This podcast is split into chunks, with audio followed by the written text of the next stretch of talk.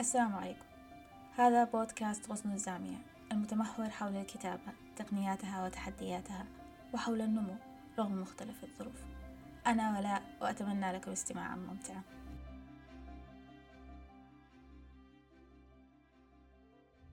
أهلا وسهلا أصدقائي. عودة بعد غياب في حالة من القلق الأدائي. في الواقع هو تشخيص الذاتي لنفسي القابل لأن يكون خطأ بطبيعة الحال. لكن كانت تراودني حالة عجيبة في الواقع لا زالت. من انقطاعها بالأفكار بمجرد ما أني أكون أمام الميكروفون. ولهذا السبب بالتحديد أفتقدت لشيء أساسي بالنسبة لي. في أي شكل من أشكال التعبير سواء كان اللفظي أو الكتابي وهو العفوية. في رأيي بأنه جوهر التعبير أو قيمته الأساسية ناجمة عن كونه صادق وعفوي و... ويعكس بشكل دقيق الحالة الشعورية للمتحدث أو للكاتب أو أيا يكن وسيلة التعبير المستخدمة. وقد نتبحر في الحديث عن هذا الشيء في اليوم الذي نناقش فيه آه، الأصوات الروائية أو الأصوات الكتابية إجمالا. وبعيدا عن إشكالات القلق الأدائي القائمة على قدم وساق في حياتي. اليوم سنناقش الأجناس الأدبية. وهو بالطبع عالم واسع جدا مشحون بالعديد من النظريات وبالعديد من الآراء. لكن إجمالا أتصور أنه الحديث عن الأجناس الأدبية والأنواع الأدبية بالغ الأهمية في في بداية أي رحلة لأنه يستعرض لنا إيش الخيارات المتوفرة لنا ككتاب لصب أفكارنا فيها أو لصب قصصنا فيها في الواقع. ممكن من الأشياء اللي حنكتشفها إنه كل شكل من هذه الأشكال الفنية له نقاط قوته له نقاط ضعفه له أساليب التعامل معه أو خدعه. التفاضل فيما بين هذه الأشكال ما يعتمد على طبيعتها إن صح التعبير ولكن يعتمد بشكل أساسي لمن هو الشخص اللي يستخدمها ولأي غرض يستخدمها. بمعنى أنه هل هذه القصة أو هل هذه الفكرة يخدمها أكثر أنها تكون مكتوبة في سياق واقعي يخدمها أكثر أنها تكون مستخدمة في سياق الأدب الخيالي أو أنها تكون مستخدمة في إحدى أشكال الأدب النوعي مثلا. بداية نبدأ بالمظل الأوسع وهي أنواع الأدب. فالتقسيم الدارجة تنقسم إلى النثر وإلى الشعر. ويوجد جانب إضافي أيضا وهو الدراما أو المسرح. لو كان في ميزة تفاعلية لهذا في هذا البث كنت سأطرح بديمقراطية تساؤل حول أي نوع تفضل أننا نبدأ به. ولكن بما أنه هذا الشيء غير متوفر وبما أنه هذا البث أحاد الجانب فسأتخذ هذا القرار. نيابة عن المستمع العزيز سنبدأ بالدراما. الدراما في الواقع هي هي الجانب المرتبط بالأداء المسرحي. وبالرغم من أنه بعض الأشخاص يتصوروا أنه عصر الصورة أو عصر السينما قضى على الأداء المسرحي لكني نوعا ما أختلف مع هذا الشيء. أتصور أن المسرح سيظل قيمته أن الفنون دائما تكمل بعضها ولا تلقي بعضها. في جانب الدراما أو في جانب المسرح وفي الواقع ما أعرف هل نقدر نعتبر السيناريو أو كتابة السيناريو جزء من الكتابة من من الدراما أو الكتابة المسرحية؟ عموما للأمانة أنا خبرتي متواضعة في هذه المسألة. وألاحظ أنه في كثير من الأحيان الدورات التدريبية أو التوعوية تركز على جوانب النثر والشعر. أما جانب الدراما فما أتصور أنه يحظى بقدر كبير من من التركيز من حيث إتاحته كخيار متوفر للكتاب. آه، أو ربما هذا الشيء عائد لضيق اطلاعي بس ما أعرف للأمانة. نادرا ما ألاحظ أنه في دورات متعلقة بكتابة السيناريو أو متعلقة بالكتابة المسرحية وعموما وبغض النظر عن هذا خلينا نتكلم أكثر عن إيش هي جوانب المسرح. الجانب الأول اللي هو التراجيديا. وهو القائم على الأداء المأساوي أو ذو الطابع الحزين. ونقيضه بطبيعة الحال هو الكوميديا وهو القائم على الأداء الهزلي والسخرية. وكلاهما له طريقته في التعبير عن الأفكار وفي نقد الواقع بصورة أو بأخرى. ولكن كما ذكرنا في البداية أنه يعتمد الأمر في النهاية لمن الشخص اللي يستخدم هذا الأسلوب وإذا ما كانت الفكرة تناسب هذا الأسلوب بالتحديد. في يعني قدر من الأفكار يناسبها أكثر السياق الكوميدي من حيث النقد اللاذع للأحداث وفي قدر من الأحداث يناسبها السياق التراجيدي لأنه من المسيء أصلا أن تطالها السخرية. يوجد أيضا الدراما التاريخية وأيضا يوجد الميلودراما. ونحن في كثير من الأحيان يعني آه حينما نشير لشخص معين بكونه درامي في الواقع إحنا نقصد إنه ميلودرامي لأن الميلودراما هي آه نوعا ما المبالغة في في الأداء. فالمبالغة في المشاعر معينة أو المبالغة في أداء معين قد يكون الأدق وصفه بالميلودراما من وصفه بالدراما المجردة. وأخيرا يوجد المسرح الموسيقي وبصراحة من الأشكال المفضلة بالنسبة لي في المسرح. ننتقل الآن لل للذراع الأخرى نقدر نقول من من الأنواع الأدبية وهو جانب الشعر. ثمة تعريفات كثيرة جدا للشعر. وهذه التعريفات أحيانا تكون مشوبة بالسجال أو مشوبة بأشكال من الاختلاف الحاد أكثر مما يجب في بعض الأحيان. لكن أنا في رأيي أنه كما يعرف كل الأشخاص الذين لديهم آذان ما هي الموسيقى يعرف كل الأشخاص الذين لديهم قلوب ما هو الشعر. فبالتالي ما أشعر أنه يحتاج جهد مبالغ فيه في تعريف الشعر للإنسان. لأنه هذه الطريقة العميقة في رسم الشعور من خلال المفردات وفي استخدام النغم الداخلي لهذه المفردات لاستلال شيء عميق من العادي من الشيء اللي يستهلكه معظم الناس أو كل الناس في الواقع وهي الكلمات. فأتصور هذا الفن اللي يرسم صورة آه، نابضة بالموسيقى نابضة بالشعور نابضة بالدهشة من شيء بالغ البساطة وبالغ العادية وهو الكلمات. ففي رأيي هذا هو الشعر. وفيما يتعلق بأنواع الشعر فالتقسيمات في هذا كثيرة. في قدر من الناس يقسموها بناء على الشكل. معنى أنه الشعر العمودي أو الشعر التفعيلة أو الشعر النثر. وفي أشخاص يقسموها على حسب الغرض مثل الهجاء أو الرثاء أو المدح أو, أو الغزل. والغريب في الموضوع أنه هذه التقسيمة يعني قد تكون متعلقة مثلا بالشعر العربي لكن لو جينا في ثقافة أخرى مثل الثقافة الإنجليزية فالتقسيم يكون مختلف نوعا ما أو إلى حد ما. حيث ثمة الشعر الغنائي والشعر الملحمي والشعر الدرامي أي ما يعتمد على الأداء والشعر القصصي. وبصراحة هذا نوعي المفضل. ممكن من أكثر نقاط ضعفي في في الشعر هي حين أشعر أنه القصيدة تحكي قصة. وربما لميل القصص دور في هذا لكني أظل أحب القص في القصيدة أو القصة في القصيدة. في الواقع أعتقد أني أحب كل أشكال الدمج ما بين هذه الأنواع أو ما بين الأنواع الأدبية ما بين القصيدة والقصة والموسيقى. هذا الانصهار للأنواع أشعر أنه يعني يضاعف شعوري بالدهشة نوعا ما.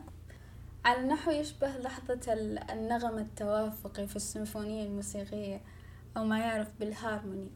وهي اللحظة اللي تنصهر فيها نوعا ما جميع الآلات والأصوات الإنسانية وكل الأصوات الموجودة في هذه المعزوفة كصوت واحد. يعني في لحظة ساحرة نوعا ما. فأحب أني يعني أشوف هذا التداخل ما بين هذا الفنون ما بين عفوا ما بين هذه الأنواع أو الأشكال. وأتصور أنه هذا هو الشيء الطبيعي. ممكن خلال حديثنا عن أنواع الروايات بالتحديد هو الذي نكتشف فيه إلى أي مدى أنه هذه الأنواع قد تتداخل وأنه في أغلب الأحيان يكون تصنيفنا للرواية بكونها مثلا رومانسية أو أو واقعية أو من الأدب الخيالي. مرتبط بكون أنه هذه هي السمة الغالبة على معظم أحداث الرواية أو حبكتها الداخلية أو أمور من هذا النوع. وبما أننا تحدثنا عن الرواية فننتقل للتصنيف الذي تندرج فيه وهو النثر. والنثر له نوعان النثر أو الأدب الخيالي والأدب الواقعي. وقد يشكل هذا الشيء يعني نوع من التشويش من من ناحية كون البعض يعتقد أنه الروايات الواقعية تندرج في الأدب الواقعي. وهذا خلط يعني نوعا ما دارج. لكن بداية نتحدث عن الأدب الواقعي والذي يتضمن السيرة الذاتية والسيرة الغيرية أيضا ولكن السيرة إجمالا أو أدب السيرة إجمالا المقالات واليوميات. أما بالنسبة للأدب الخيالي فتندرج تحته القصص القصيرة والأقصوصة والروايات. بالطبع ثمة أشكال كثيرة للقصص القصيرة بالتحديد. لكن القصص القصيرة في أحيان عديدة تقسم بناء على طولها مثل القصة القصيرة والقصة القصيرة جدا والأقصوصة والقصة الومضة وأمور من هذا النوع كلها متعلقة بمدى طول القصة. أما في الروايات فيعتمد في أحيان كثيرة على العناصر المحركة للحبكة نوعا ما. في الرواية البوليسية مثلا تعتمد بشكل كبير على صناعة اللغز وإعطاء الخيوط و... وتشتيت القارئ بالومضات المضللة إضافة لعنصر المفاجأة في القصة. وتشترك في ذلك أي عنصر المفاجأة مع روايات الرعب التي تعتمد أيضا على على إحاطة القارئ بتلك الظروف من الرعب والإثارة وأمور من هذا النوع. يوجد أيضا الأدب الرومانسي وفي الواقع الأشياء الطريفة أني كنت أعتقد أن أن تسمية الرومانسية إجمالا أو الأدب الرومانسي بالتحديد متعلقة بقصة روميو وجولييت. ولكن في الواقع المقصد من تسمية الرومانسية هو هو كون أن القصص التي كانت تترجم من الرومانية إلى الفرنسية يغلب عليها طابع الفروسية والغراميات. ولذلك أصبح الأمر مرتبط جدا بالثقافة الرومانية. فالرومانسية بالتالي تعني نوعا ما على الطريقة الرومانية. تعتمد الحبكة الرومانسية في أحيان كثيرة على طرفين. وعلى تطور الأحداث فيما بينهما. من الأشياء البارزة أو من الخدع الرائجة في, في الرومانسية هي أنه إذا كانت الشخصيات موجودة سويا أو مرتبطة سويا فما هي التحديات التي يواجهونها حتى ينفصلوا؟ وإذا كانت الشخصيات متباعدة أو منفصلة فما هي الأحداث التي ستؤدي إلى ارتباطهما؟ وكالعديد من الآداب النوعية الرومانسية أيضا أدب قد يوصم أحيانا بالابتذال خاصة أن شؤون القلب في أحيان كثيرة قد لا تمثل عامل جذب للعديدين. لكني أتصور أنه في خلفية هذه القصة أو في الظروف بالم... أو في الظروف المحيطة بالشخصيات طريقة جميلة جدا في عكس الواقع الذي تعيشه تلك الشخصيات. الظروف المؤدية إلى تباعدهم سواء كانت الفروقات الطبقية أو الصراعات الجغرافية أو أيا تكن من هذه الأمور قد ترسم صورة واسعة للمشاكل التي يعاني منها ذلك المجتمع. فمقصدي أنه حتى شؤون القلب التي توصم بكونها الأكثر ابتذالا قد تمثل طريقة لسرد مشاكل جوهرية أو واقع صعب تعيشه تلك الشخصيات. نأتي إلى الرواية الأدبية أو الخيال الأدبي أو ما يعرف أيضا بالرواية الواقعية. وهي في أحيان كثيرة تعتمد على جانب السرد آه، وعلى تطور الشخصيات وعلى مجابهتها للتحديات العميقة آه، على الصعيد الاجتماعي أو على الصعيد النفسي. ولذا نجد نفسنا في أحيان كثيرة آه، نستكشف دواخل تلك الشخصيات وتجاربها الإنسانية العميقة. ويعد هذا الشكل من أبرز الأشكال التي تناقش مشاكل المجتمعية الجادة. في المقابل يوجد آه، مشابه له وهو الخيال المعاصر. الفرق بين الأدب الأدب الواقعي أو رواية الخيال الأدبي ورواية الخيال المعاصر يكون الخيال المعاصر يركز بشكل أكبر على الحياة اليومية بمعنى أنه قد لا يناقش مشاكل مجتمعية جوهرية وجادة وأمور من هذا النوع. في الواقع قد يتتبع سير حياة شخصية عادية جدا تجابه المشاكل التي يواجهها كل الناس في ذلك المجتمع. ممكن يربط البعض الأمر بكون الخيال المعاصر مرتبط ب آه، بالروايات التي كتبت في حقبة تاريخية معينة لكن الأمر إجمالا متعلق بكون أنه شخصيات خيالية تعيش في عالمنا المعاصر أو في حياتنا اليومية. نأتي الآن إلى الجانب أو النوع الذي ذكرت أني أكتب فيه وهو الفانتازيا.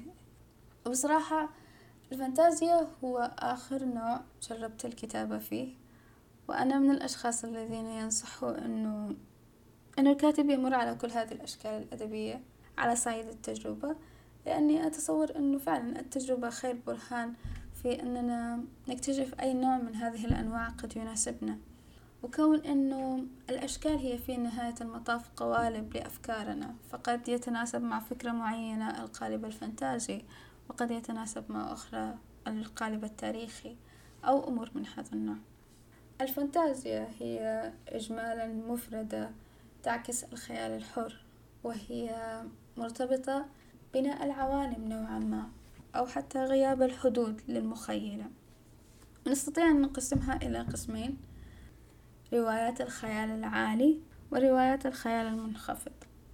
الفرق ما بين هذه النوعين في الفانتازيا هي أن روايات الخيال العالي تقوم بتأسيس عوالم موازية تماما من الصفر كرواية سيد الخواتيم مثلا حيث أن لكل عالم من هذه العوالم قوانينه وجغرافيته وديموغرافيته أي أنواع الكائنات الموجودة في تلك العوالم. والقسم الثاني هو الفانتازيا المنخفضة والتي هي تكون العالم كما نعرفه أو عالمنا الواقعي إلى حد ما. ولكن بقدرات إضافية أو استثنائية أو حتى ظروف فيزيائية مختلفة للشخوص الموجودة في تلك القصة. وثمة خط فاصل آه، قد يغيب أحيانا عن الكثيرين بين روايات الفانتازيا وروايات الخيال العلمي. في الواقع بعض الناس يضعها في نفس التصنيف.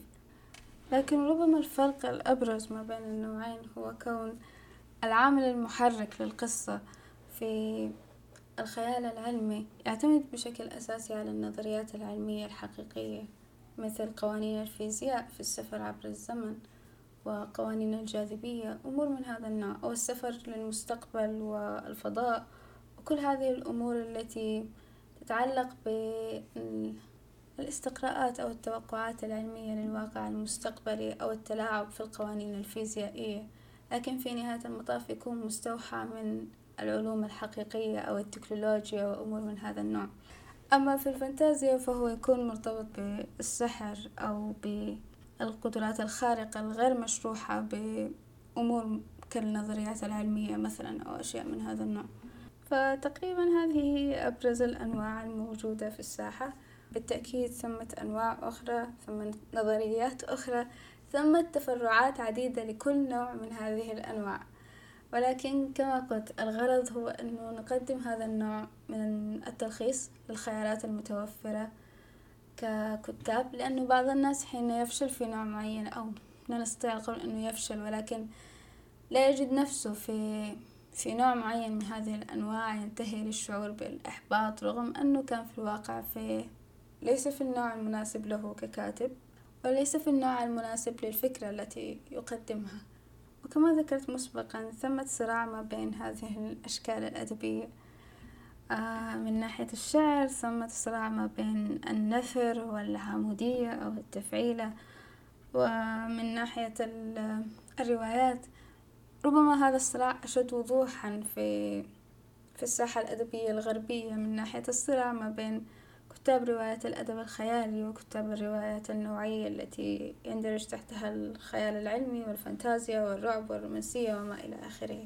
أتصور أن هذه الصراعات هي في نهاية المطاف صراعات سطحية لأنه كما ذكرنا كل الأشكال لها قيمتها حين تستخدم بشكل صحيح لخدمة الأفكار المرتبطة بها.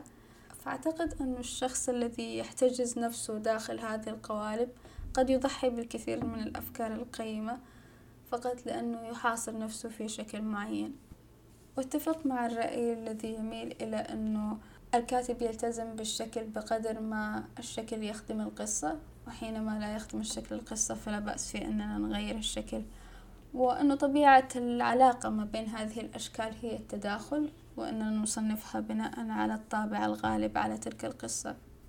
وبهذا ينتهي هذا البث في وقت متأخر جدا بصراحة وربما سأندم على ذلك في صباح الغد ولكن الأمر يستحق. ولذا وإلى أن نلتقي في البث القادم.